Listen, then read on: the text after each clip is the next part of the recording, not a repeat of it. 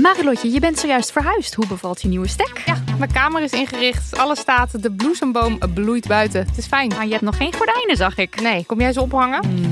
Maar het ding is dus, desondanks alles slaap ik als een koningin dankzij mijn matras van Emma Sleep. Een prinses zonder ert ben jij. Al leg je een ert onder mijn matras, ik denk niet dat ik er last van heb, want het is een hemelsding. En dan heb ik ook nog mijn Emma Diamond Pillow. Jouw slaapkamer is een slaapparadijs. Wil jij dat nou ook? Ga naar emma-sleep.nl en daar vind je moederdag sale met kortingen die oplopen tot wel 50%. En met de code DAMNONEY aan elkaar uh, komt daar nog eens 10% extra korting bovenop. Luister jij al naar de podcast Co en Zo? Ik ben Rick Paul van Mulligen. Ik ben Nina de Lacroix. En samen met jouw man René voeden wij twee kinderen op in twee huizen. Co-ouderschap. We hebben het over alles wat je daarin tegenkomt. Maar ook over de juice tijdens onze kinderloze dagen, want die heb je ook in het co-ouderschap. Een podcast voor alle ouders in alle vormen, maar ook voor alle mensen zonder kinderen. Zijn we eerlijk, heerlijk herkenbaar.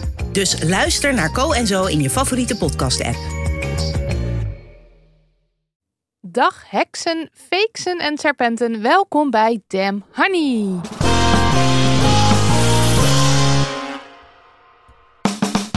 De podcast over shit waar je als vrouw van deze tijd mee moet dealen. Mijn naam is Maridotte. En ik ben Nidia. En dit is aflevering 138. Ja, en we gaan weer een yes-no aflevering doen.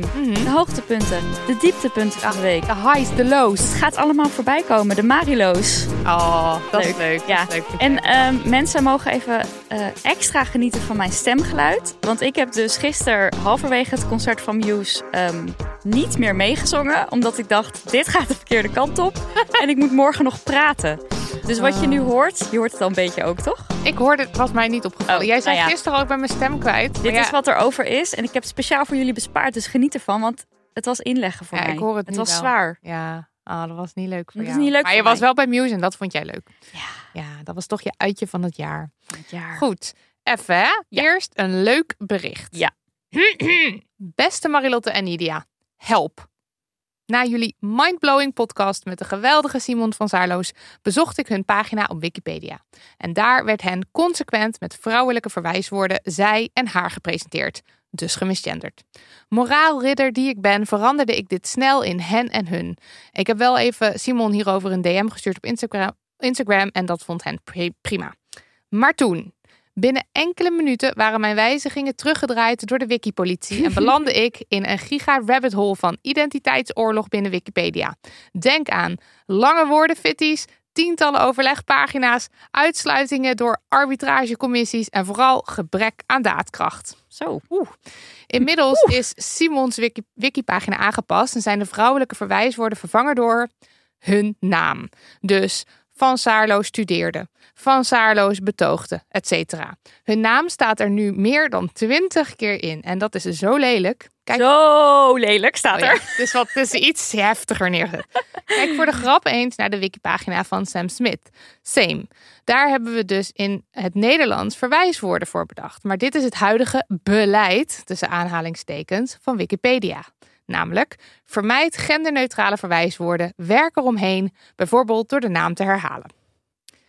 Ondanks dat grote mediaspelers zoals ANP, NOS, Nu.nl, RTL Nieuws, de Vlaamse VRT en bijvoorbeeld Volkskrant en Trouw actief genderneutrale verwijswoorden gebruiken, wacht Wikipedia al jaren op een heilig onafhankelijk signaal om overstag te gaan. Dat zou dan bijvoorbeeld van de Taalunie moeten komen, maar ook die houden zich op de vlakte en melden dat over het gebruik van genderneutrale verwijswoorden nog geen overeenstemming is. Dit is een citaat, quote. Alles loopt bij Wikipedia vast op hun uitgangspunten van neutraliteit en geen origineel onderzoek mogen doen. Kortweg, geen kant kiezen in dit debat en geen eigen conclusie trekken. Nu blijft alles dus zoals het is, worden non-binaire personen in het slechtste geval misgenderd, maar in ieder geval in hun genderidentiteit, ontwe- genderidentiteit ontweken. En wachten we tot we een ons wegen en conservatieve taalgoeroes eindelijk eens de serieuze media gaan volgen. Holy smoke, wat een drama. Nu ben ik natuurlijk gewoon een super geprivilegeerde witte 50-plusser die na al zijn mansplaining zijn zin niet krijgt. Dus op zijn zere teentjes is getrapt. Nee, zonder dolle. Dit moet toch stoppen? Dus help me alsjeblieft. Willen jullie misschien in de podcast of op Instagram een oproep doen? Ik zou graag in contact komen met studenten en deskundigen die mee willen doen aan een onafhankelijke, interdisciplinaire studie naar genderneutraal taalgebruik gericht op Wikipedia, wat, wat gepubliceerd kan worden op een gezaghebbend platform, zoals bijvoorbeeld Onze Taal. Denk aan communicatiewetenschappers, Nederlandse taalwetenschappers, genderstudies, antropologie. Zo'n publicatie moet Wikipedia dan eindelijk overtuigen om een eind te maken aan het walgelijke miskennen en misgenderen van non-binaire personen. Natuurlijk is dit succes niet gegarandeerd, want de conclusie moet uit goed onderzoek volgen. Maar ik vertrouw op een honingzoete afloop. Wat goed. Dank en liefst van jullie trouwe luisteraar en honingbal, Jouwert. Nou, ja, ik vind dus, ik heb allemaal ideeën en gevoelens hierbij. Want ik snap ergens dat Wikipedia niet zelf dingen kan gaan bedenken. Want het hele ding is nou juist dat er feiten op staan die dan uit bronnen komen. Ja, Maar ik snap dus niet als de bron is: dit is hoe ik mij noem, dat dan dat niet mag gelden. Want ik zat even na te denken: van stel je hebt een artiest en die gebruikt een artiestennaam. Prince. Ja. The artist formerly known as Prince. ja. Zou dan in het artikel over Prince nooit de naam Prince staan, maar de hele tijd de echte naam van Prince? Want Prince is maar een bedachte naam. Ik zeg, ik, zeg maar even als je meegaat in dit idee van het is iets bedachts of zo. Ja, Ik heb dit ook niet gecheckt. Jij ja ik het ben nu aan het checken, ja. Nou ja, hier staat dan? Prince Rogers Nelson, beter bekend onder zijn artiestennaam Prince. Ja, en dan wordt er vervolgens gesproken van Prince, neem ik aan, of niet? Of gaat er dan de hele tijd Roger Nelson? Ja, nee, Prince. Prince werd geboren in Ja, Minneapolis. nou ja, goed. Kijk, ehm, ik, ik, ik snap niet als iemand over zichzelf zegt: dit is het. Waarom dat dan een probleem is? Ja, nou waarom dat dus niet geldt als een legitieme bron? Want het komt Ja. van de persoon zelf. En ook inderdaad het feit dat er al zoveel media-spelers zijn die het gebruiken. Ja, Wanneer komt dan dus, ja, dan blijkbaar dus op het moment dat onze taal of zo erover gaat publiceren. maar ik vind het, kijk, ja, het doet me natuurlijk ook heel erg denken wat Wikipedia doet aan mijn, mijn ehm eh Femi Misser van laatst. Dat ik in de vertaling van een boek waar duidelijk ging over een non-binair personage, dat ik Ja. heel erg bezig was met het ontwijken van Ja, die woorden, omdat ik dacht, het grote publiek is daar nog niet klaar voor. Ik heb, had Ja. toen allemaal conclusies getrokken. Eh, Wikipedia doet dit natuurlijk ook. Die heeft zoiets van, we willen kunnen verwijzen naar iets van ja dat zij, het willen niet, daadwerkelijk zij willen niet het besluit maken Nee, dat, zij het willen vanaf niet- nu, dat het vanaf nu dan Ja, zij daar, officieel is. zij willen daar niet leidend in zijn. Maar Nee. ik vind het lastig, omdat je dan zo'n kip-en-ei verhaal krijgt. Want wie is dan leidend? Ja, is de taalunie dan leidend? Weet ik niet En hoe hoor. zit dat dan met woorden die. ehm, hoe zit het dan met woorden die eigenlijk dus verder bijvoorbeeld niet in de. Een femimisser. Zou het woord femimisser kunnen staan op. Ja, want dat gebru- gebruiken wij dan als woord in de podcast. Dus dan zou het dan in de Wikipedia van niet kunnen staan. Want dat is dan een rubriek en die hebben we Ja. dan zelf bedacht. Nou ja, ik, ik, ik, eh, ik Ja, jij snap. ik vind nee. het erg verwarrend. Maar dit is dus ook, ik bedoel, er is niet voor niets eh, staat er in deze brief. Nou, er waren eindeloze overlegpagina's. Eh, En het feit dat het zo snel wordt aangepast. Dus er, er zal natuurlijk al veel. Ja, Ja, en, en er zullen gewoon zijn. daadwerkelijk mensen zijn die gewoon echt niet eens zijn met hen hun voornaamwoorden voor, Omdat eh, het nog niet voor officieel één is. persoon. Ja, en, en die zijn er dan heel erg Ja. gepassioneerd over, omdat het allemaal ook grammaticaal en feitelijk moet Maar ja, kloppen. onze taal, taal, het hele idee van taal Ja. is toch het ontwikkeld, het, eh, groeit, verandert. het is toch niet zo dat iemand achter een taalbureautje zegt en vanaf nu is dit. Eh, nee, misschien is dat wel zo. Met pannenkoeken, pannenkoeken. Was, soms worden natuurlijk wel echt zo knopen door. ja, maar het is wel zo dat taal leeft en dat het verandert. Ook omdat er mensen gewoon opeens massaal een bepaald woord gaan Ja, gebruiken. en dan, wordt, dan is er op een gegeven moment dus iemand achter een bureautje die zegt... En nu Ja. is het maneschijn Ja. en niet manenschijn. Nee, ik weet even... Wat Ja. was het ook alweer? Vroeger was het pannen... Pannenkoeken? Pannen- Ja. Of Nou, maneschijn, weet ik veel. Geen idee. Jij oh, loopt hier... erg weer al die voorbeelden. Ik weet nog dat het aangepast werd en dat iedereen zo was, of iedereen, mijn moeder, die was dan zo van, nou, daar wordt er weer, weer aangepast. Ja, maar de jaren negentig hebben ze toch zo'n, eh, Ja, maar toen kwam er zo'n, kwam er denk ik dat groene boekje of het witte boekje of zo. weet ik uit veel. Kan allemaal iemand alsjeblieft achter dat bureautje dit eventjes, ehm, in. Zet zwart op gewoon wit neer, zetten, hen, hun is geschikt voor, eh hoe noem dat, voornaamwoorden voor één per enkelvoud, voornaamwoorden meervoud, kan beide gebruikt worden. Goedjes. Hartstikke bedankt alvast, hè? Ja.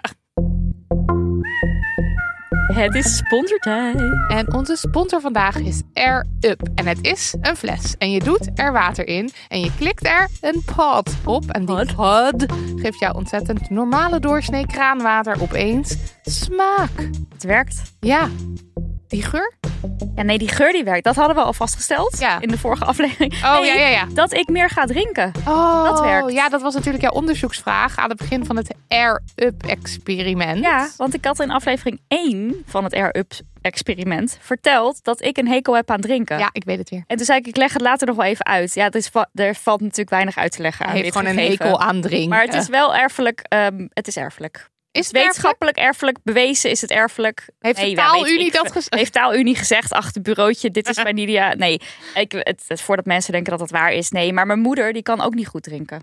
We hebben hier ook gesprekken over. Zij kan dat ook niet. En ja, ik, we hebben er gewoon een hekel aan. Ik kan het ook niet anders uitleggen. Zou het, zou, het- zou het iets zijn waar andere je mensen zich ook her... Ik heb er gewoon een geen hekel? zin in. Nee. Ik vind het, dat het is weer zo, dan moet dat er weer in. Ik lever niet echt plezier aan of zo. En wat mijn moeder dus doet, is altijd twee theeën zetten meteen. Ja, Want ook. dat drinken we allebei. En dat doe ik dus ook. En dan Ja. zeg jij, oh wat leuk, heb je thee voor me gezet? En dan zeg ik nee. Ja, dat is voor mijzelf. soms alle, dan pak alle ik thee gewoon is dat- voor mijzelf. Soms pak ik gewoon die beker en dan begin ik het te drinken. Maar de fles, ja. Het is zo. Het is echt zo. En ik denk dat ik het mijn moeder ook moet gaan geven. Het werkt dus voor mij. Ja. Het is niet van die zoete troep. Daar houdt mijn moeder dus ook niet van. Daar hebben we ook hetzelfde in. ja, en- en dan nasmaakje en zo. en het is gewoon, als het een beetje een, een raar, een beetje zo, hmm, hmm, zit ik de hele tijd, hmm, hmm. Dus opeens heb jij gewoon plezier in het drinken in plaats van dat je denkt, dit ik is denk niks. het, omdat Ja. het iets raars is. Ik ben er dus ook niet goed in, maar dat heeft meer te maken met dat ik gewoon niet op wil staan om water te halen. luie Marilot. Ja, en dan kan ik wel denken, oh, ik heb een beetje hoofdpijn. Oh, ik voel me een beetje uitgedroogd, maar dan ga ik alsnog niet opstaan. ja, maar dit klinkt ook alsof jij gewoon, als ik een glas water naast je zet, dat dat ook een oplossing. Of gewoon een glas, een, een fles, een random fles zonder smaakje, dan zou dat dan toch ook. Als het gevuld naast me staat wel, maar een saai, een random fles is Ja. te saai voor mij om op te staan en te gaan vullen, want dan krijg ik toch niet genoeg. Je hebt toch echt Eh, overal prikkel voor Ik nodig. heb overal beloning voor nodig. Ja, dus als ik zeg maar, maar ik zeg, de Air Up fles, dan ben ik gewoon excited. En ik blijf ook amazed. Omdat ik steeds een andere geursmaak kan kiezen, krijg ik steeds weer mijn dopamine shot. Oh, dat is het. Snap je? Ja, ik heb trouwens snel net ook een dopamine shot. Weer opnieuw, omdat ik er voor het eerst bruiswater in had gedaan. Want ze hebben hier bij dag en nacht zo'n kraan waar bruiswater... Nou, Ja. ik dacht, wat is dit nou weer voor magie? Het was nog bijzonderder. Ben je benieuwd naar Air Up tot en met juli? Dat is juli. Juli. Juli 2023 krijg je 10% korting op eh, alles. alles. Ga naar air-up.com en gebruik kortingscode DAM10. En dan is 10 dus met cijfers, DAM10 aan elkaar. En deze info kun je ook allemaal terugvinden in de beschrijving van deze podcast. Ik dacht, doe even sound effect. Heerlijk. Sorry voor de mensen met misofonie. Sorry.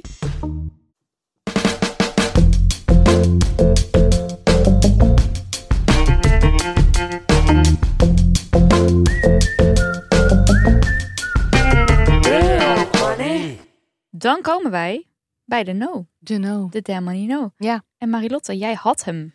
Ik had hem en ik moet zeggen, er was veel om uit te kiezen. Er Ehm, was zoveel om uit te kiezen. wij zaten dit te, doen zo, want Nidia heeft dan de yes en ik de no. En we, het was echt no, na no, na no, na no. Ja, het was eigenlijk... No, no, no, no, no, no. Hilarisch. Ja, Hila- kom, ja, je moet het toch maar een beetje leuk maken. Het was echt verschrikkelijk. Ja, nou, er Ja, die hele allemaal die dingen dam in. Oekraïne natuurlijk. Ja, en eh, wat was er nou nog meer? Eh, nou ja, god, eh, de, de olifant in de kamer, de, het klimaat. Ehm, er zijn in, in, eh, er kwam weer een zoveelste rapport uit waar we gewoon eigenlijk allebei hartstikke misselijk van werden. Ja, ik had er Ehm, echt buikpijn van. ja. keer. Nou ja, heel even heel kort. Vanaf 2030 zijn er ijsvrije zomers op de Noordpool. En dat is blijkbaar een tipping point wat. Eh, nou ja, waarvan ze dachten dat het nog later zou gebeuren. Het is, eh, weet je wat? Ik kon dit niet aan. Ik zal het maar gewoon zeggen. Ik kon dit niet aan. Ik sliep er ook slecht van. Ik heb helemaal geen zin om hierin. Ik wilde hier gewoon niet induiken. Want ik heb ook het gevoel dat we het heel vaak doen. Dus ik sla hem gewoon over. Hey, Hey, dag Ja. olifant. ja, doe je olifant. Blijf maar lekker staan daar. Ik negeer jou. Eh, dus ik heb wat anders. Ja. ja. En eh, dit is trouwens niet een luchtiger onderwerp of zo, maar het is iets anders dan het klimaat. Eh, want ik wil het even hebben over een rechtszaak in België. Eh, daar is veel ophef over. En het is die eh, over de dood van Sanda Dia. Ja. En eh, wat is er gebeurd? Ik ga, ga proberen dit globaal te vertellen. Want Ga is- jij, moeten wij een trigger warning geven? Ga jij vertellen, ga jij over details vertellen? nou ja, misschien. Ja, trigger warning. Oké. Niet super in de details. Ik ga proberen het een beetje globaal te houden. Ja. Ik wou ook zeggen, als je na mijn samenvatting meer wil weten, ik link een podcast special eh, van de podcast De Stemmen van Assise in de show notes. Daar hebben ze echt een, een special met meerdere afleveringen waar ze helemaal uitgebreid uit de doeken doen eh, wie wie was en, eh, en, en, en wat er is gebeurd. Oké, ja. Ehm, dus doe dat. Maar ik probeer het nu een beetje globaal te houden. Maar ik kan niet helemaal garanderen dat, we, dat ik niks vertel. Want Nee, ik ga het wel ja. gewoon vertellen. Ja, ja. Ehm, dit is gebeurd in 2018. Eh, een Vlaamse student ingenieurwetenschappen, ehm eh, Sanda Dia, eh, studeerde al twee jaar in Leuven, aan de, aan de Universiteit in Leuven. Hij was twintig en eh, hij wilde heel graag na twee jaar studeren bij de elitaire studentenclub Reuzegom. Ja. Dat is een studentenvereniging. Dat is een soort koor. Het is, Wat wij in ja, Nederland kennen als een soort koor. Ja, maar als je het een beetje hoort wat voor club het is, denk je, dit was dus wel echt, high- echt level op qua heftigheid, vind ik. Oh, Oké. Maar laten we zeggen bij het koor, dat is ja, dat weet niet, dat is misschien te stereotype gedacht hoor. Maar ik zie dan wel eh, elite, universiteit. Ja, maar dat was het. eh, ja. En dus ontgroeningen en zo. Ja, dus laten we het even het Belgische koor noemen. Maar ik heb het idee dat ze een soort, soort uitzondering Next waren. Ook een level. next level op koor. een negatieve manier. Ja. Oké. Eh, nou, inderdaad, wat jij zegt, de vereniging voor eh, nou ja, kinderen van rechters, dokters, advocaten, bankiers. Een plek voor de elite van de toekomst. Ja. Eh, vrij extreem. En zo profileren ze zichzelf dus ook.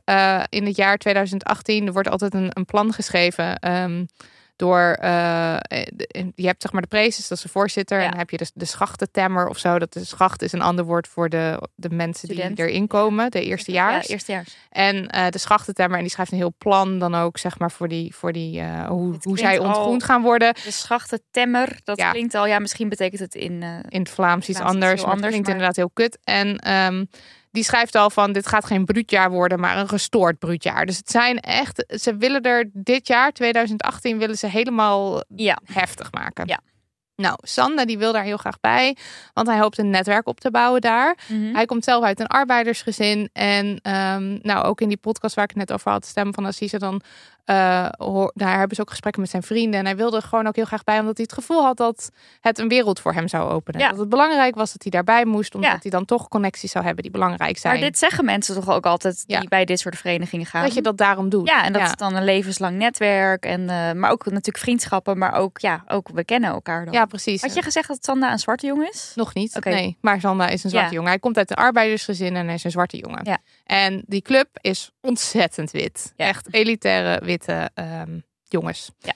Ehm, nou, er hoort een ontgroening bij. Ehm, ook in dit jaar, als Sanda, als Sanda erbij gaat eh, in 2018. En deze, die vindt het hele jaar pla- plaats. Maar waar we het nu over hebben is december 2018. Die ontgroening duurt in principe een jaar. Ja, volgens mij hebben ze, hebben ze de hele, de hele jaar door hebben ze allemaal dingen. dingen, Maar dit is zeg maar een soort van waar het allemaal, allemaal gebeurt en samenkomt. Het Ja. is een heel heftig weekend. Het is twee dagen, twee, drie, twee of drie dagen. En eh, Sanda wordt dan samen met twee andere jongens eh, ontgroend. Nou, zij Ja. zijn dan dus schachten. Ehm, wat die ontgroening die dagen inhoudt is nou, verschrikkelijk, sadistisch, onmenselijk. En het draait eigenlijk alleen maar om vernedering. En als je het hebt over wat, waar je dan aan moet denken, dan heb je het over bijvoorbeeld liters eh, gin en bier en wodka drinken. Drank, nou, coma zu- zuipen, zeg maar, dat is dan ook het doel. En dan kranen af. Maar het is niet wel eventjes. ehm, het is niet, er staat een fles, een fles gin op tafel. Ik denk, hé, hey, ik heb zin in gin. Ik ga even een glaasje voor mezelf inschenken. Nee, nee, nee. Het is gedwongen drank tot je Ja. nemen. En bijvoorbeeld als je een opdracht niet goed doet, dat je dan voor straf weer Drinken. meer moet drinken. Ja. En bijvoorbeeld als je overgeeft omdat je, omdat je de drank niet trekt, krijg Ja. je voor straf dus ook weer drank. Dat soort dingen. En het doel is echt mensen met een enorme kater laten wakker worden. En dan dus hebben ze bijvoorbeeld ook de kranen afgeplakt de volgende dag, zodat mensen geen water kunnen drinken. ja, ik vind dit echt al. Dit alleen al is heel verschrikkelijk. En ehm, dan, maar bijvoorbeeld eh, daarna worden ze meegenomen naar, want dit gebeurt dan in Leuven of in de Ja, stad, ja. eh, in de bewoonde wereld. En daarna worden ze dus meegenomen naar een blokhut, waar ze echt gewoon allerlei vernederende shit moeten doen. En dan heb je het over halfnaakt in een, in een kuil staan met ijs, ijskoud water. Een, IJskoud water wordt er over hun heen gegooid. ja, ja, precies. Eh, goudvissen doorslikken en grote hoeveelheden visolie drinken. En nou, die visolie wil ik wel even noemen, want dat is belangrijk. Ehm, nou, en verder, als je dus details wil weten, luister maar naar die podcast. Het is, ik doe het eigenlijk niet, want het is gewoon ook vreselijk. Ja.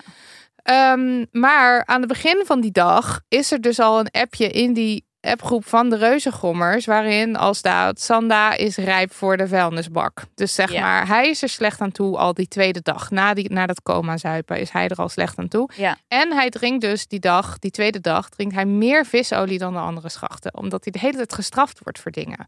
Ehm, Maar wacht, waar, want die visolie, ik had begrepen, ik heb me een heel klein beetje ingelezen dat die bedoeld was zodat je ging overgeven. ja. Eh, hij moest, je het ook voor straf drinken? Nou, ehm, hij, het idee, dit was bij een opdracht dat hij dus een levende goudvis in moest Ja. slikken. En dan wordt hij, krijg je dus die olie om het weer, Uit te om laten hem komen. levend eruit te laten komen. Dat was hem dan niet gelukt, dus dan moest nog een keer. Weet je wel, zo. Dus Oké, ja. En wat ik een beetje opmaak uit ook die podcast is dat Sanda gewoon de hele tijd extra de lul was. Eh, dat, er, dat er dan. Dingen lukte niet en daardoor werd hij dus extra Ja, gestraft. En Dat dan niet per se, zeg maar, ik kan niet zeggen of dat dan is omdat hij een jongen van kleur is of zo, Racistisch maar gewoon omdat de dingen niet lukken, krijgt hij straf. Ja. En wat ik hoor van die, als je die andere schacht het verhaal hoort, dan lijkt het alsof hij de hele tijd toch eh, of meer moeite had, of gewoon in ieder geval dat hij, hij werd vaker gestraft. Hij had Ja. meer vissenolie ook binnengekregen. Ja. En die, juist die vissenolie wordt hem fataal. Ja. Want hij sterft. Ja. En ehm, hij raakt onderkoeld. En zijn organen begeven het eh, vanwege het hoge Zout. zoutlevel in zijn, ehm, in zijn eh lijf. Ja, maar die onderkoeling, want dat was toch ook nog een ding, dat die jongens dachten dat hij onderkoeld was. Ja, want dat is... Maar dat was helemaal niet het ding. nee, Maar is hij echt onderkoeld Hij was onderkoeld, want Ja? zijn lichaamstemperatuur was heel erg laag. Oh ja, oké. Ehm, maar dat is niet waaraan hij gestorven is. Nee. Hij is gestorven aan het zout. Aan die zout. Levels. Zoutoedeem of zo? Ja, eh, zijn hersenen zwelden op door al het zout. En, dat is hem, en zijn organen vielen uit. Ja. Eh, en ik bedoel, zijn onderkoeling heeft dat heftiger gemaakt. Maar het was het zout. Ja. Ehm, en ehm, daarna is het, ja, hij, eh, zeg maar, het- toen het duidelijk werd dat het dus slecht met hem ging, duurde het nog best wel even voordat hij naar het ziekenhuis is gebracht. Maar hij is wel naar het ziekenhuis half uur of gebracht. zo, toch? Drie kwartier? Ja, nou, om, de- als je kijkt naar eh, appjes die gestuurd zijn, om, om eh, zeven uur wa- ging er een foto rond van, oké, het gaat niet goed. Ja. En hij is om negen uur naar het ziekenhuis gebracht. Dus er zitten nog best wel wat uren tussen. Ja, dat is best lang. En Of dat is hartstikke lang, hè? Ik bedoel, ja, nee, ik, ben ja, ik vind het gewoon het is verschrikkelijk gewoon heel allemaal. lang. Ja. Ehm, en wat ook is, zeg maar, in principe krijg je dus als schacht ehm, een soort peetvader toegewezen. Iemand die voor jou gaat zorgen. Dus die dus als taak heeft om in Om de te gaten te, houden. Om Ja. jou in, ga- in de gaten te houden of het goed met jou gaat. Oké, ja. En dat is ook verzaakt. Want die jongen die daarvoor aangewezen was, die kwam ook al te laat. En die had de kater en weet ik veel. Dus, maar Oké, ehm, dus er, zou, er is dus ergens, zou je kunnen zeggen, er was een systeem ingebouwd om echt verschrikkelijke dingen te voorkomen? ja, geen idee. Maar die, de, de, iemand had die functie. Ja, oké, oké. Ehm, nou, hij is naar het ziekenhuis gebracht, sterft daar twee dagen later. En ehm, wat de reuzengrommers doen, is Ja. op het moment dat hij in het ziekenhuis, naar het ziekenhuis is gebracht, is alles wissen. De WhatsApp-groep wordt, wordt ontbonden, mensen Ja. gaan daaruit, eh, foto's worden gewist, eh, de blokhut wordt schoongemaakt en ze gaan naar het huis van Sanda om daar zeg maar die kranen weer, eh, de, de, de Ja, tape eraf te halen, gewoon ja. alle sporen wissen. Ja. En er is in principe, er lijkt wel echt, zeg maar, ze zijn allemaal erg geschrokken. En er is een, een emotionele brief met excuses, geloof ik, aan de familie al vrij snel geformuleerd. Maar dat heeft een advocaat, heeft dat ook al meteen Oh. afgeraden om dat te sturen. Oh, oké. Dacht Ehm, even dat de advocaat had, dat had, had bedacht, dat ze dat moesten doen. Nee, maar de, die brief is gemaakt. Zeg Ja, maar, er ja, lijkt ja, wel echt. Er, er, er, is wel, er is wel emotie vanuit de reuzengom. Ja. Ehm, maar ze, ze he- hebben natuurlijk, omdat ze rijk zijn, ook allemaal Toegang tot toegang advocaten. tot advocaten. En gewoon meteen mensen die hen te hulp kunnen schieten. En meteen kunnen zeggen: dit is wat je doet, dit is wat je niet doet. Ehm, dus ja, wat ze wel doen is. Maar ook meteen... mensen die dus schieten in een stand van eh, eigen behoud, eh, lijfbehoud. Ja, ja, ja, absoluut. Dus ja. Ja, oké, ja. Ja, dat, dat, dat zie je ook terug in, in die appjes en zo. Dat het wel echt allemaal is van. eh, en eh, als, dit, als dit fout afloopt, dan krijg ik de schuld. Dat soort dingen Ja, ja, ja. worden doorgestuurd. Want die appjes zijn dus gewist, maar dat is allemaal gewoon weer teruggehaald. ja, dat eh, tenminste volgens mij wel. Ja. Want ik heb ze allemaal gezien.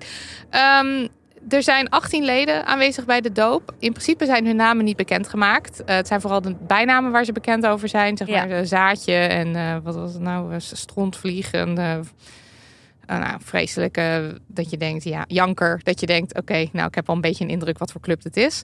En Ja. de 18 leden stonden terecht in maart van dit jaar. Dus twee maanden terug. Ja. En ehm, ja, als je hoort wat ze Sanda en de andere schachten hebben aangedaan, dan kan ik niet anders dan walgen. Sorry, maar het is, het is echt Ja. vreselijk. Ja. En nu is er dus een uitspraak geweest over deze rechtszaak. En je denkt, oké, je, kan- je doet iemand zoiets vreselijks aan. Iemand sterft. Daar moet een hoge straf op. Dat is je gevoel. Mhm, mhm. Maar zij, de, in de uitspraak hebben ze dus ehm, drie, eh, de, zeg maar, de straf die ze hebben gekregen. Eh, het bleef bij taakstraffen tot 300 uur en geldboetes tot 400. Oké. En Dus het loopt ook uiteen. Het is niet dat ze... Ik dacht namelijk dat ze allemaal die geldboete hadden gekregen. Maar er zijn volgens ook mensen die hebben een taakstraf. Dat, Nou, volgens mij hebben ze gewoon niet allemaal hetzelfde bedrag gekregen.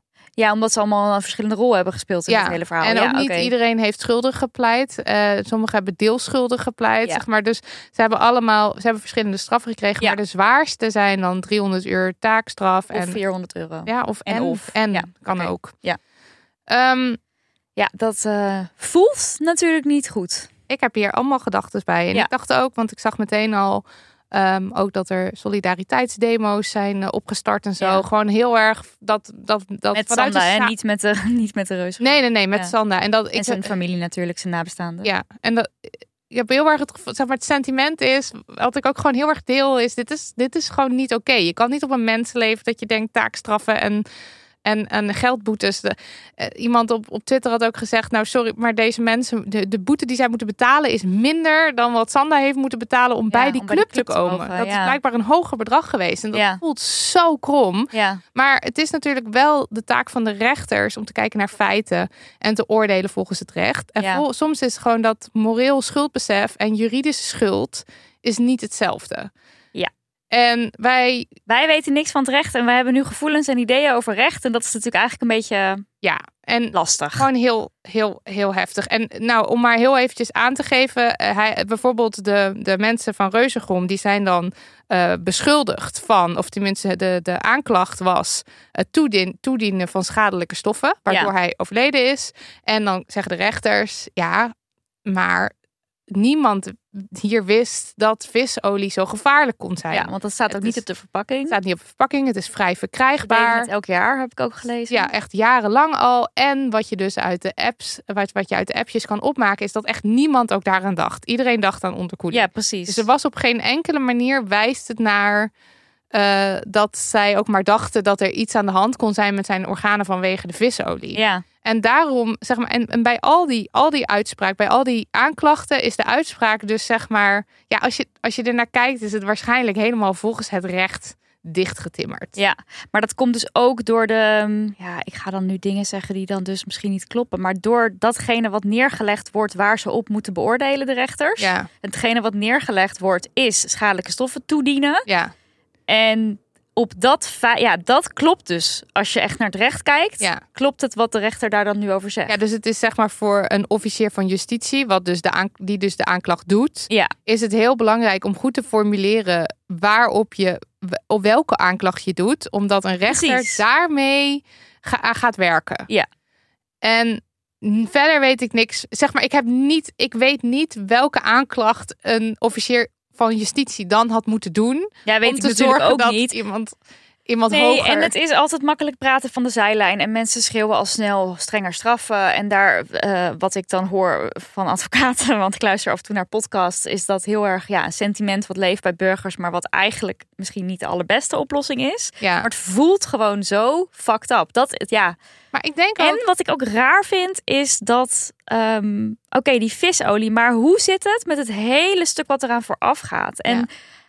Hoezo is het eigenlijk oké dat dit soort shit gebeurt? En ik snap wel dat je als schacht ehm, instemt met een ontgroening. Dus je gaat ermee akkoord dat je ontgroend gaat worden.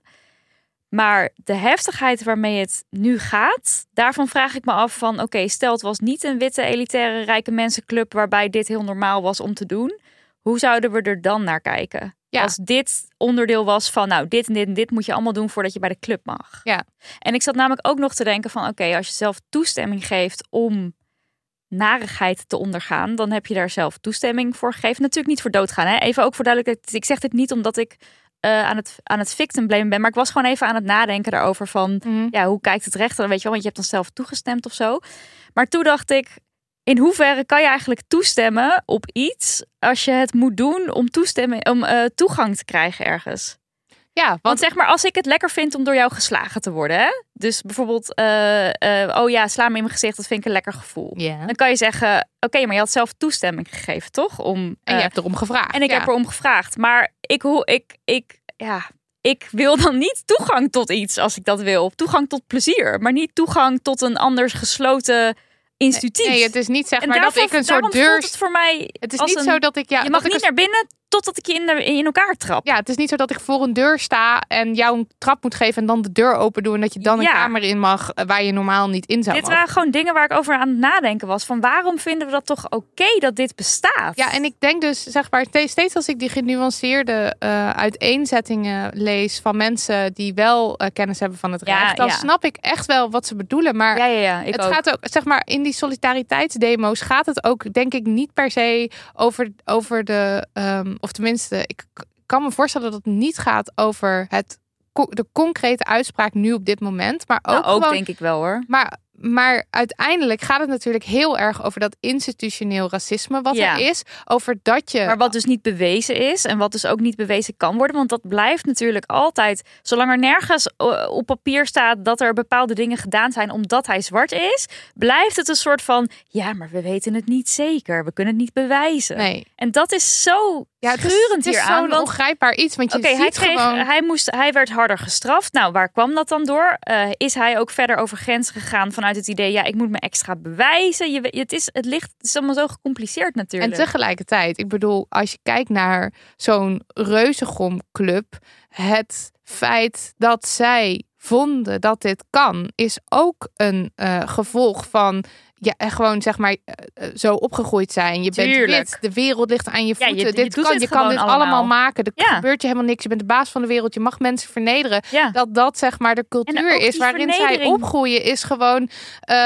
dat dat zou niet moeten mogen bestaan en als er dan door ongeluk iemand overlijdt zeg maar waar de, de verhoudingen de verhoudingen to begin with waren al niet eerlijk dus je daarom voelt het zo oneerlijk Maar ook nu. die, dat, dat gore machtsspel waar ze dus al bij, bij de vereniging, dus nog voordat ze op posities komen waar, waar, waar macht is, maar dat ze in de vereniging al zo daar lekker op gaan, op mensen, op Ja. mensen kapot maken. Ja. en dat is ook want de, de advocaat van de familie ehm, Dia Ja, die, die zegt dus ook.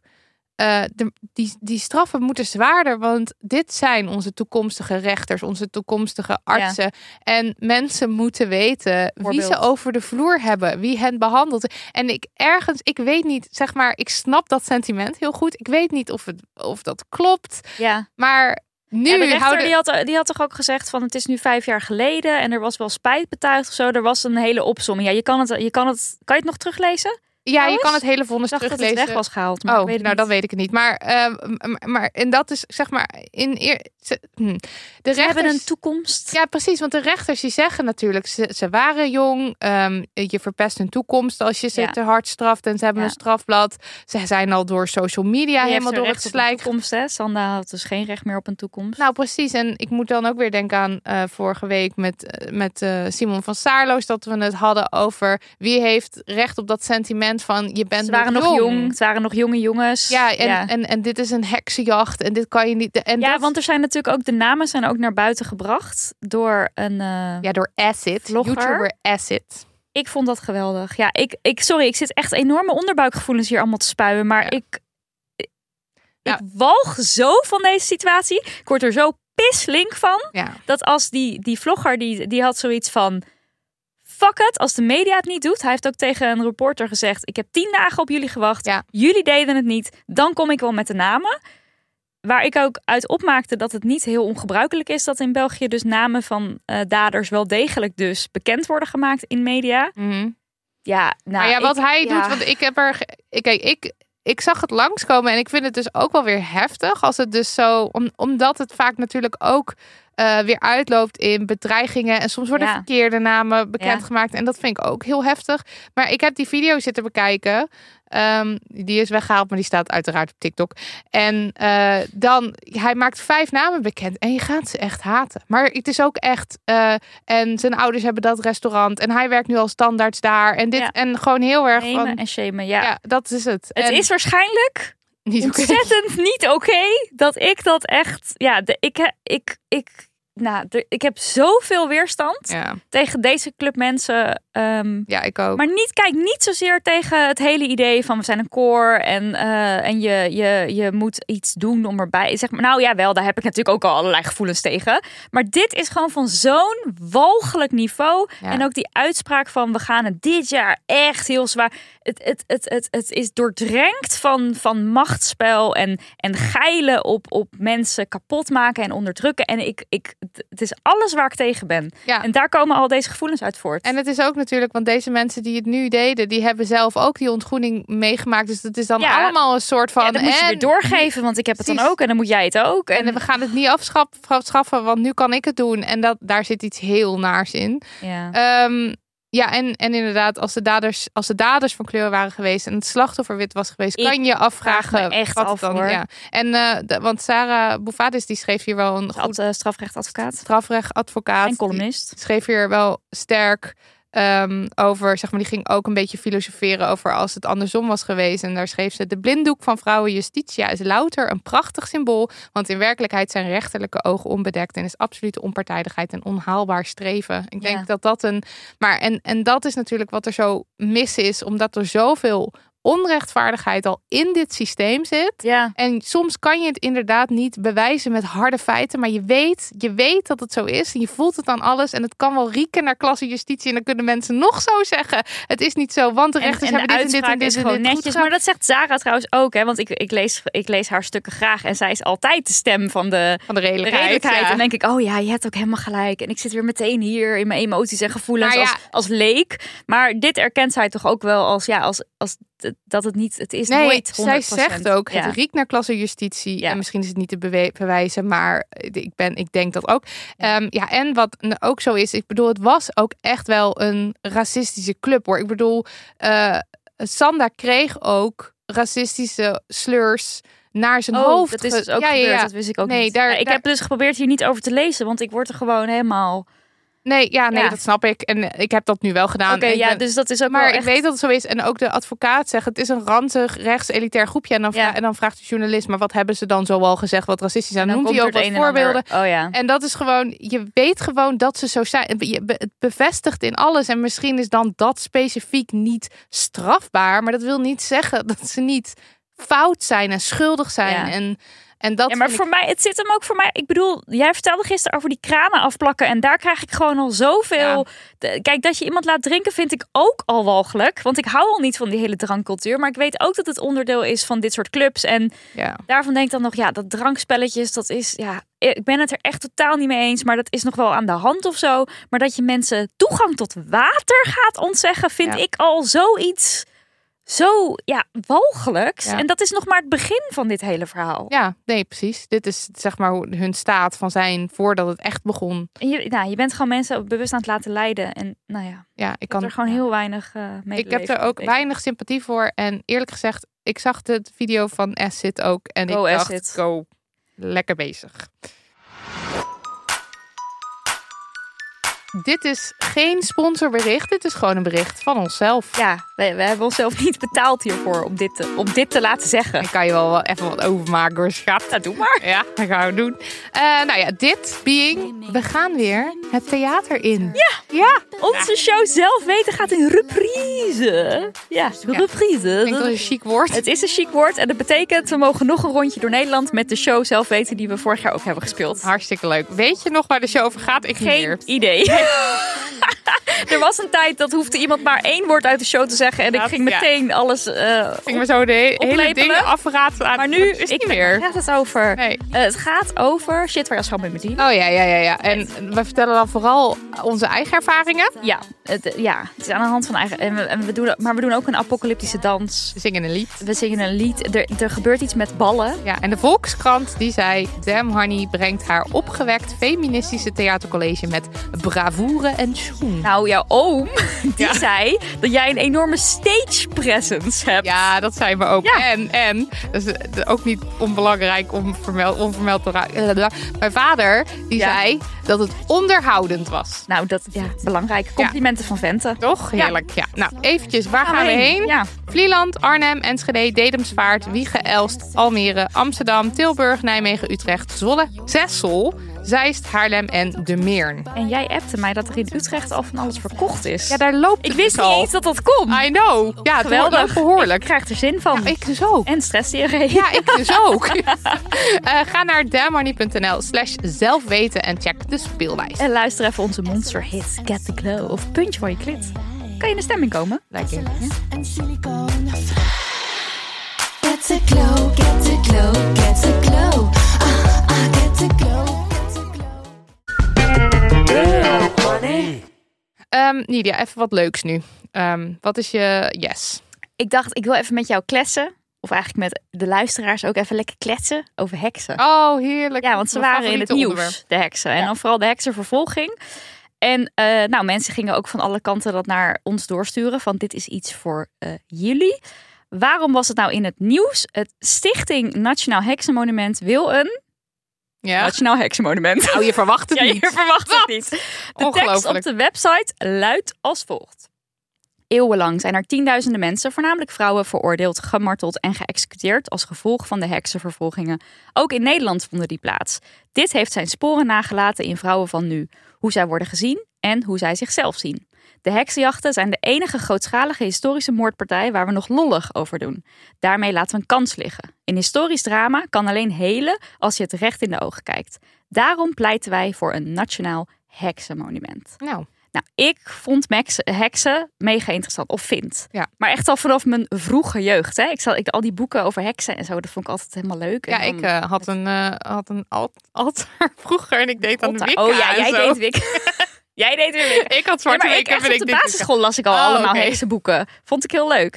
Ehm, en ik heb volgens mij ook hier in de podcast wel verteld over het boek van Mona Cholet. Ja. Cholet, ik weet niet hoe je het zegt. Eh, Heksen, eerherstel voor de vrouwelijke rebel. Vet boek. Ik heb dat echt verslonden. Ja, toch? Ja, dat was echt top. Maar het sentiment daarin, zover ik het me kan herinneren, ehm, mijn geheugen is niet heel goed, maar dat is toch vooral zo van, wow, onafhankelijke, eigenzinnige, geleerde vrouwen eh, die werden vermoord. Ja. Omdat ze dus eigenzinnig, onafhankelijk, bladibla waren. ja, en toch? dus als een soort bedreiging werden gezien Ja. door de, de heersende macht, namelijk de mannen. En toen dachten die, dan gaan we die vrouwtjes een kopje kleiner maken. Ja, we gaan ze op hun plek zetten. We Ja. moorden ze uit. Andere vrouwen worden dan ook bang. Die gaan dan dus niet meer de eigenzinnige, onafhankelijke vrouw zijn. Dat is een beetje het idee wat ik had over ehm, En zo houden we ze onder de duim. Ja, en je hebt ook wel soms bij de Feminist March, Women's March, ook in het buitenland, dan heb je soms mensen die hebben van die bordjes met We are the granddaughters of the witches you weren't able to burn. Een beetje dat idee van zij waren de feministen voor ons, dus Ja. de eigenzinnige, ze kwamen voor zichzelf op en zij zijn dan eh, verbrand, wat overigens natuurlijk ja, volstrekt walgelijk en verschrikkelijk is. Ehm, en dan zijn wij de, de nieuwe feministen. Wij staan dan op die schouders of zo. Of dat sentiment, dat leven wij dan voort. Ja, wij een staan op Je voelt je er verbonden mee. Dat ja. En dat is toch ook gewoon een heerlijk verhaal, of niet? Ja, nee, Ja. zeker. Ik ging Nee, daar, ik ga daar, ging, ging, ga daar nog steeds wel goed op dat idee. Nou, enter het proefschrift van Ja. cul- cultuurhistoricus Stijen Hofhuis. Die het allemaal voor ons verpest. Ja, want hij dook in de geschiedenis van de heksenvervolging en hoe die verspreiding ging. En ik ging naar een avond over heksen in Atria. Dat is hier in een kennisinstituut eh over vrouwengeschiedenis in Amsterdam. En daar kwam hij dus ook praten en ik heb dingen geleerd. Ja, En ik ga proberen de dingen hier uit te leggen. Ehm, nou, die heksenvervolging, dan moet je je voorstellen, begint ergens in de 15e eeuw. En dat, als je een grafiek zou zien, is het een soort berg. Dus het wordt zo langzaam meer, meer, meer. Dan heb je een hoogtepunt in 1630 en daarna zwakt het weer af. Dus het is ook echt een flinke periode wel dat dit gaande is. ja. Maar 1630 is het echt op zijn hoogtepunt. En er zijn, naar schatting, tussen de 50 en 60.000 dodelijke slachtoffers eh, gevallen. En een groot deel daarvan, Namelijk zo'n 75 à 80 procent was vrouw. Wat nog waren wat, niet allemaal vrouw, Nee, maar wel een groot deel was een vrouw. groot deel vrouw Mannen- en nog steeds heel veel slachtoffers. Want 50, Ja, ja, ja, ja. 60.000 is veel. Ja, ja, ja, heel veel. Eh, maar mannen konden dus ook slachtoffer worden. Dat weet misschien niet iedereen. Mhm. En kinderen die konden dus ook als heks worden, aange... voor heks worden aangezien. Nou, hoe kan dat nou, die heksenvervolgingen? Dat komt voort vanuit het geloof. Mensen waren echt heel, heel, heel bang voor de duivel. En dat de duivel die hen zou, dat die ze zou verleiden tot het kwaad.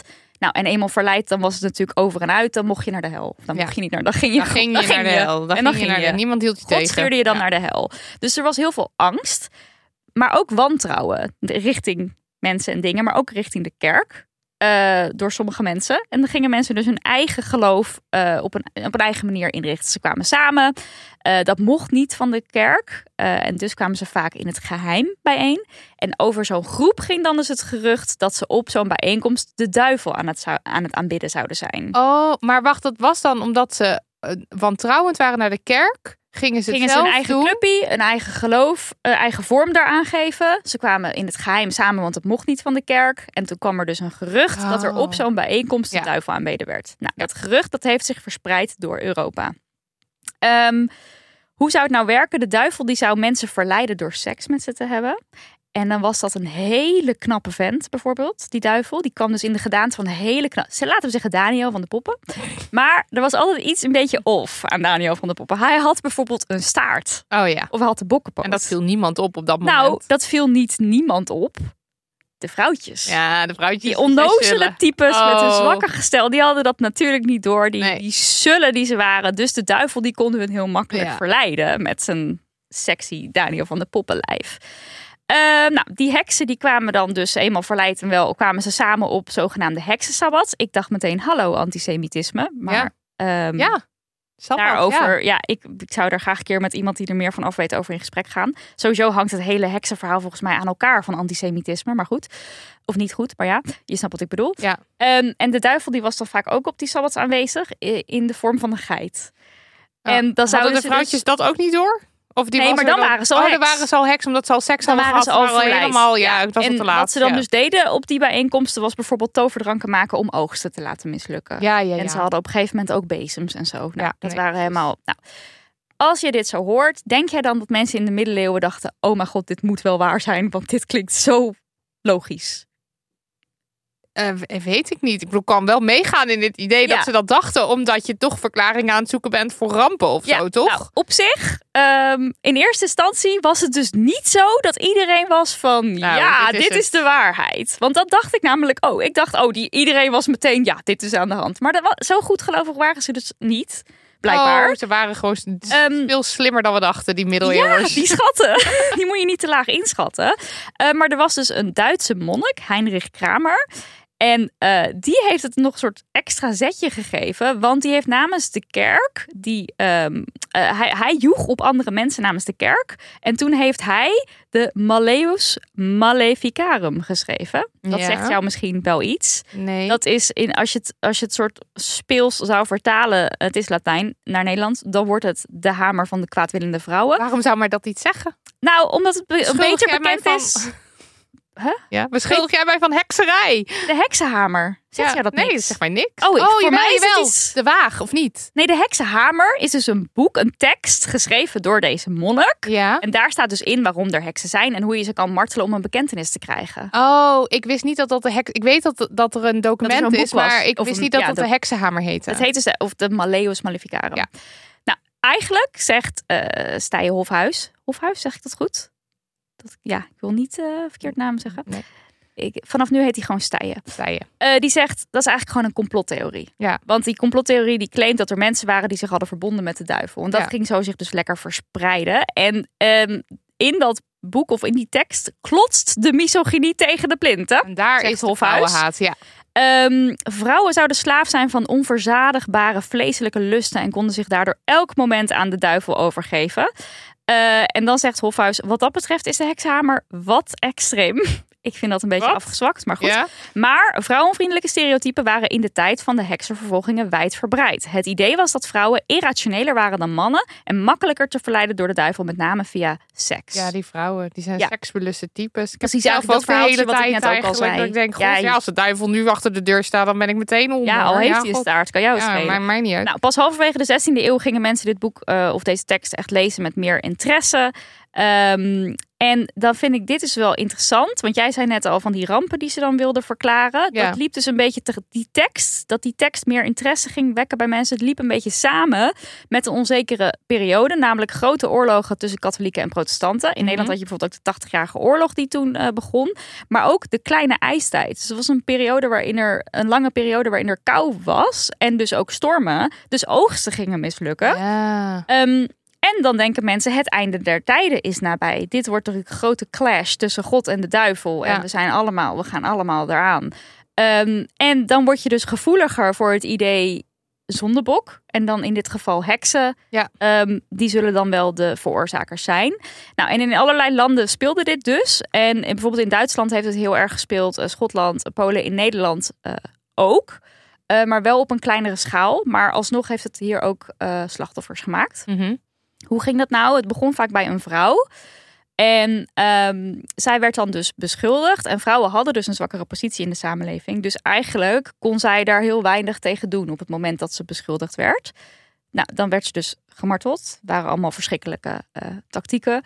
En dan ging die vrouw natuurlijk, of nou niet natuurlijk, er zijn ook mensen die hun mond hielden, maar je gaat Bekennen, namen noemen. ja. Je hoeft soms het alleen maar het martelwerktuig te zien en je gaat al namen noemen. Ja. Ehm, en dan ging je zeggen, ja, ik was bij een heksensabbat en die was er en die was er en die was er. En voor je het wist, had dus iemand, kon je dus echt honderden slachtoffers hebben. Ja. Zo, zo kon het gaan. En mensen, niemand was dan ook veilig op zo'n moment. Mannen dus ook niet, kinderen ook niet. En ook hooggeplaatste figuren niet.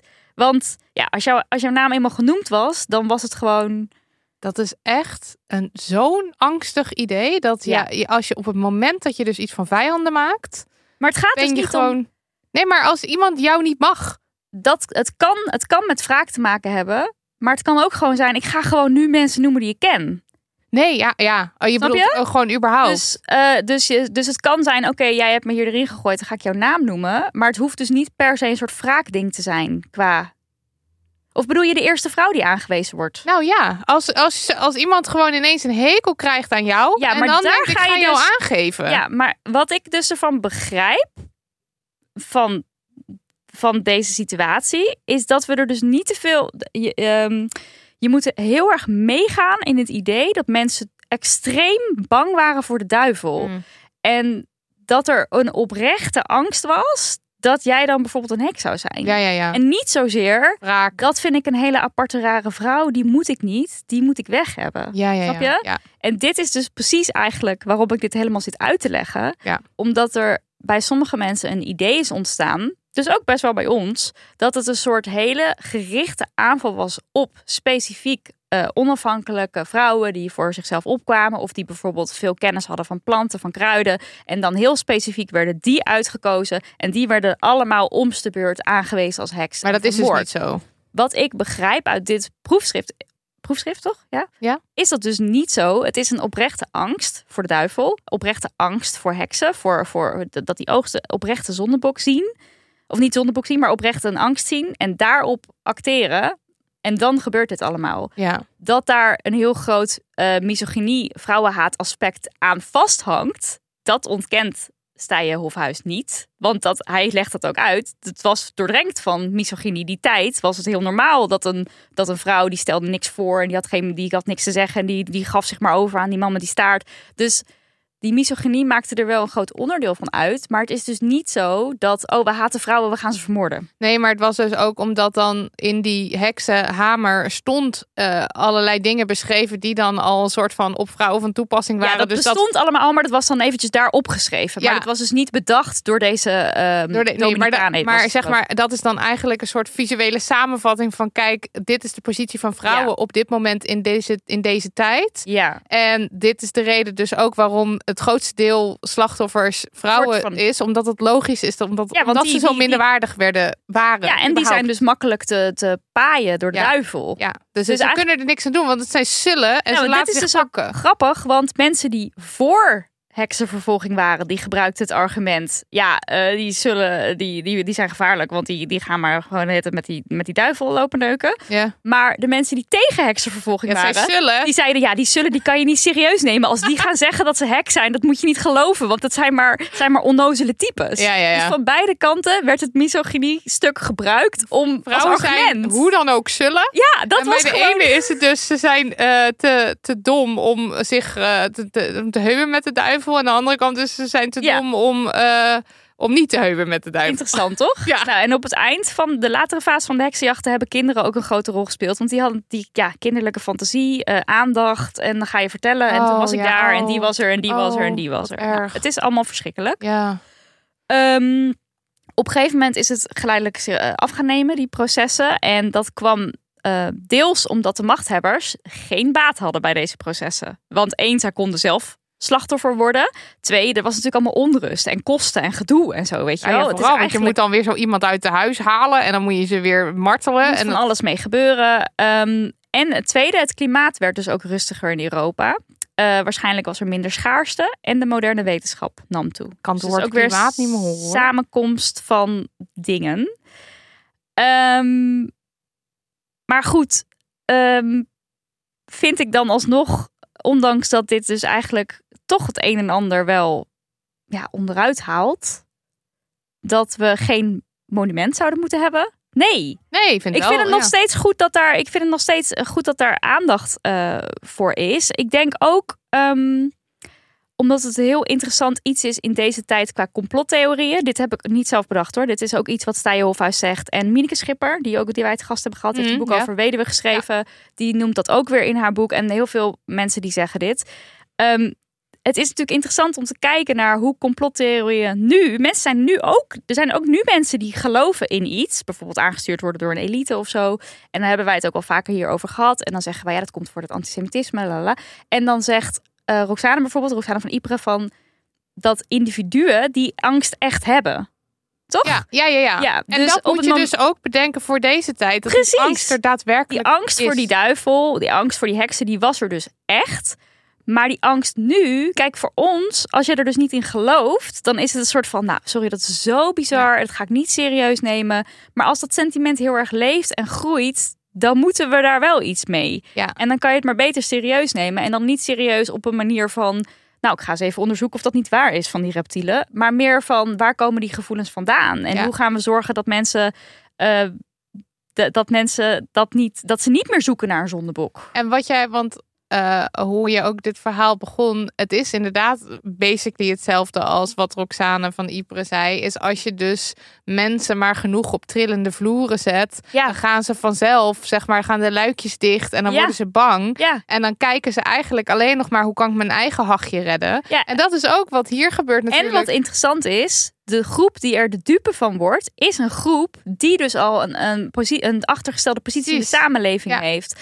En dan zie je, eh, nou, de antisemitische complottheorieën of ehm, eh, de, de buitenlander. Ja. Dus zeg maar, eh, die, die ehm, daarom is ook, daarom denk ik dat het wel heel go- goed is om te blijven benoemen van misogynie maakte er wel echt wel onderdeel van uit. Dat hoef je niet te gaan ontkennen. Nee. Maar het wil niet zeggen dat het een aangestuurde vrouwenhaatactie was.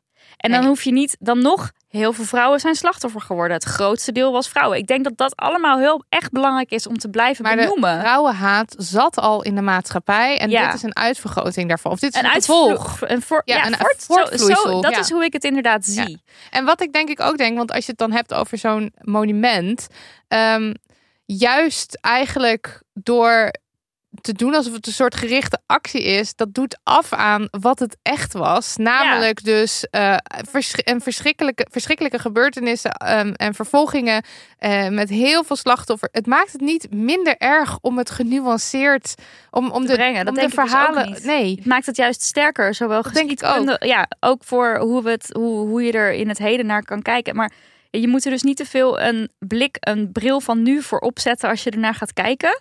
Wat ik nu misschien ook wel aan het doen ben hoor, dat weet ik niet. Maar hou het bij de feiten of zo. En je ziet dus dat er, er zijn meerdere eh, werken geschreven, ook feministische werken ook, door mensen die niet per se de historische kennis hebben. Ja. En daardoor lijkt er nu bijna een soort twee kampen ding te komen. Van eh, ja, nee, wat een, wat een onzin. En ze, ze slepen er van alles bij. Terwijl ik heb het gevoel van volgens mij kunnen we elkaar wel echt wel goed ergens vinden.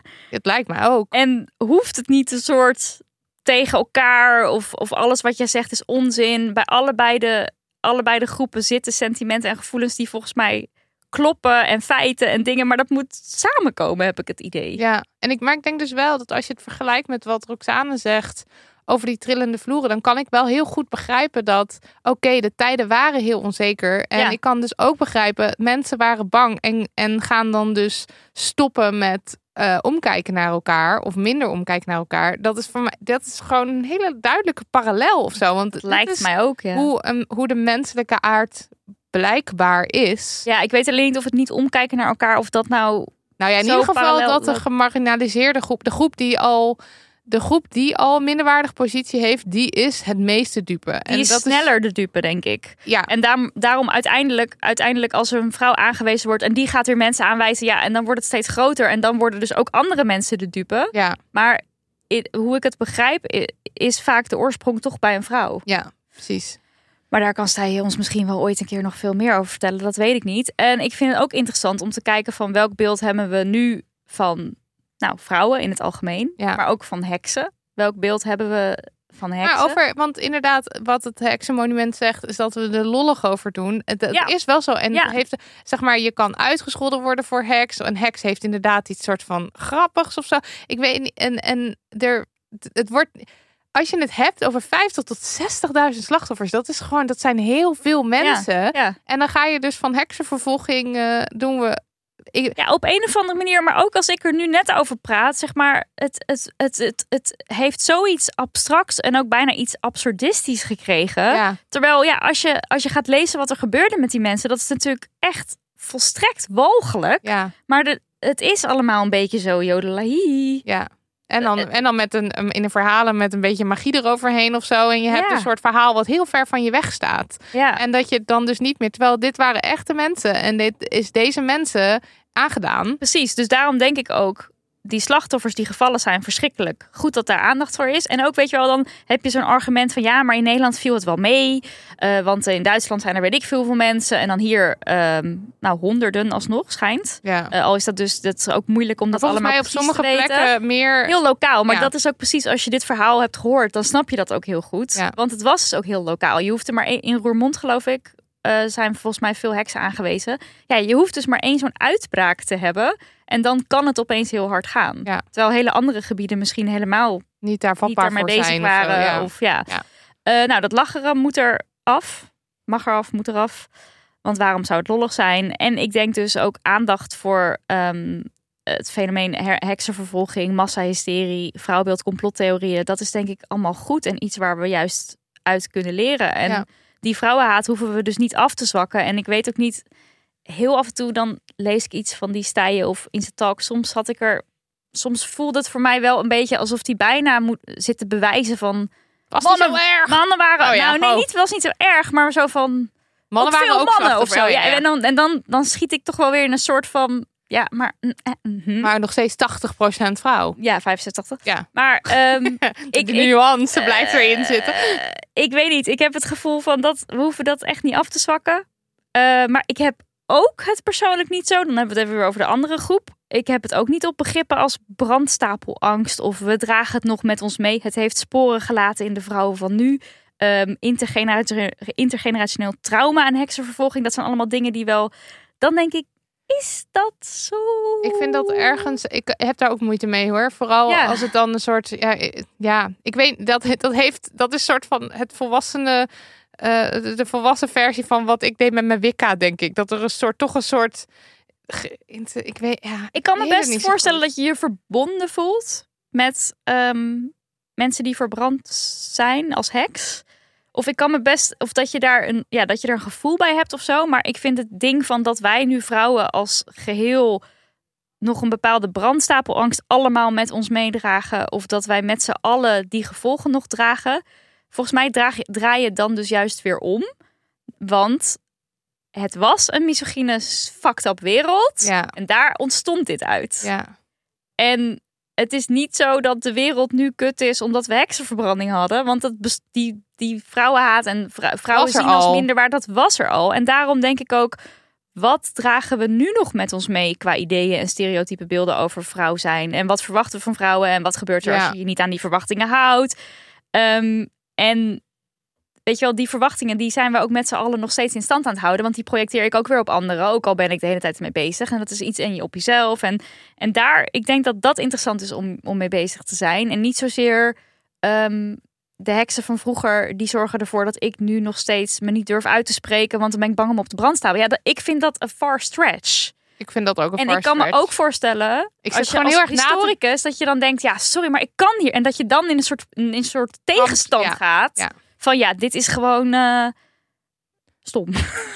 Ja, en maar ja, ik weet, ja, ik vind het denk ik ook gewoon misschien een soort, ja, ik heb meningen denk ik over het hele brandstapelangst en als je Ja, daar helemaal worden mee aan gewoon dingen aan elkaar gekoppeld die in mijn ogen niet aan elkaar gekoppeld hoeven. In mijn ogen niet aan elkaar gekoppeld hoeven te worden. Ja, maar goed, als je, ja, Afsluitend. ben ik, Lieke Smits, postdoctoraal onderzoeker aan de Universiteit Antwerpen. Die houdt zich bezig met de religieuze cultuur van de late middeleeuwen. En die schreef een stuk voor over de muur.org over heksenvervolging en dat Nationaal Monument. En dus ook een beetje die, ja, dat soort van die strijd of die discussie tussen die twee groepen.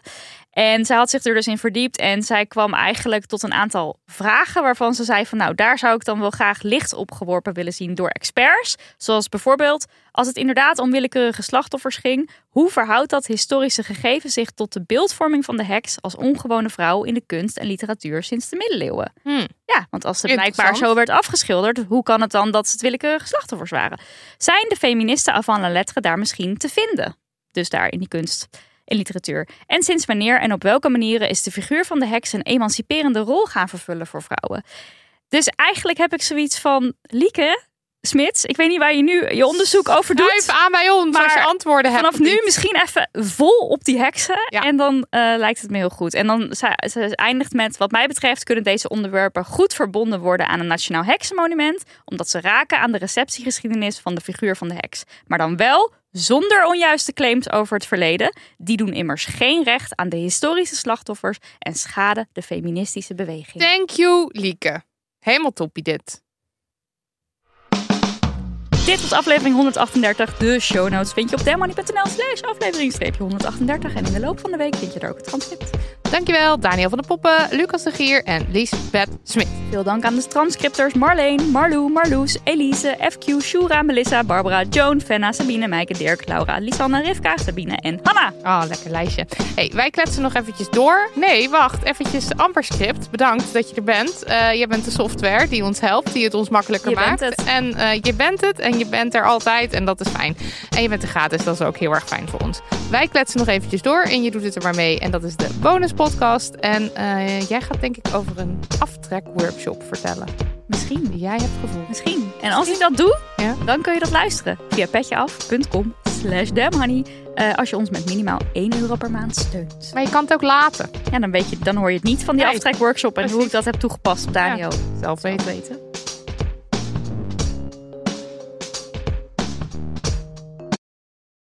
Kussens, bedden, matrassen, beddengoed. Emma Sleep heeft het allemaal. Ga naar emma-sleep.nl om van jouw slaapkamer een slaapparadijs te maken. Er is nu moederdag sale gaande met kortingen die oplopen tot wel 50%. Gebruik de code DAMHONEY voor nog eens 10% korting daarbovenop.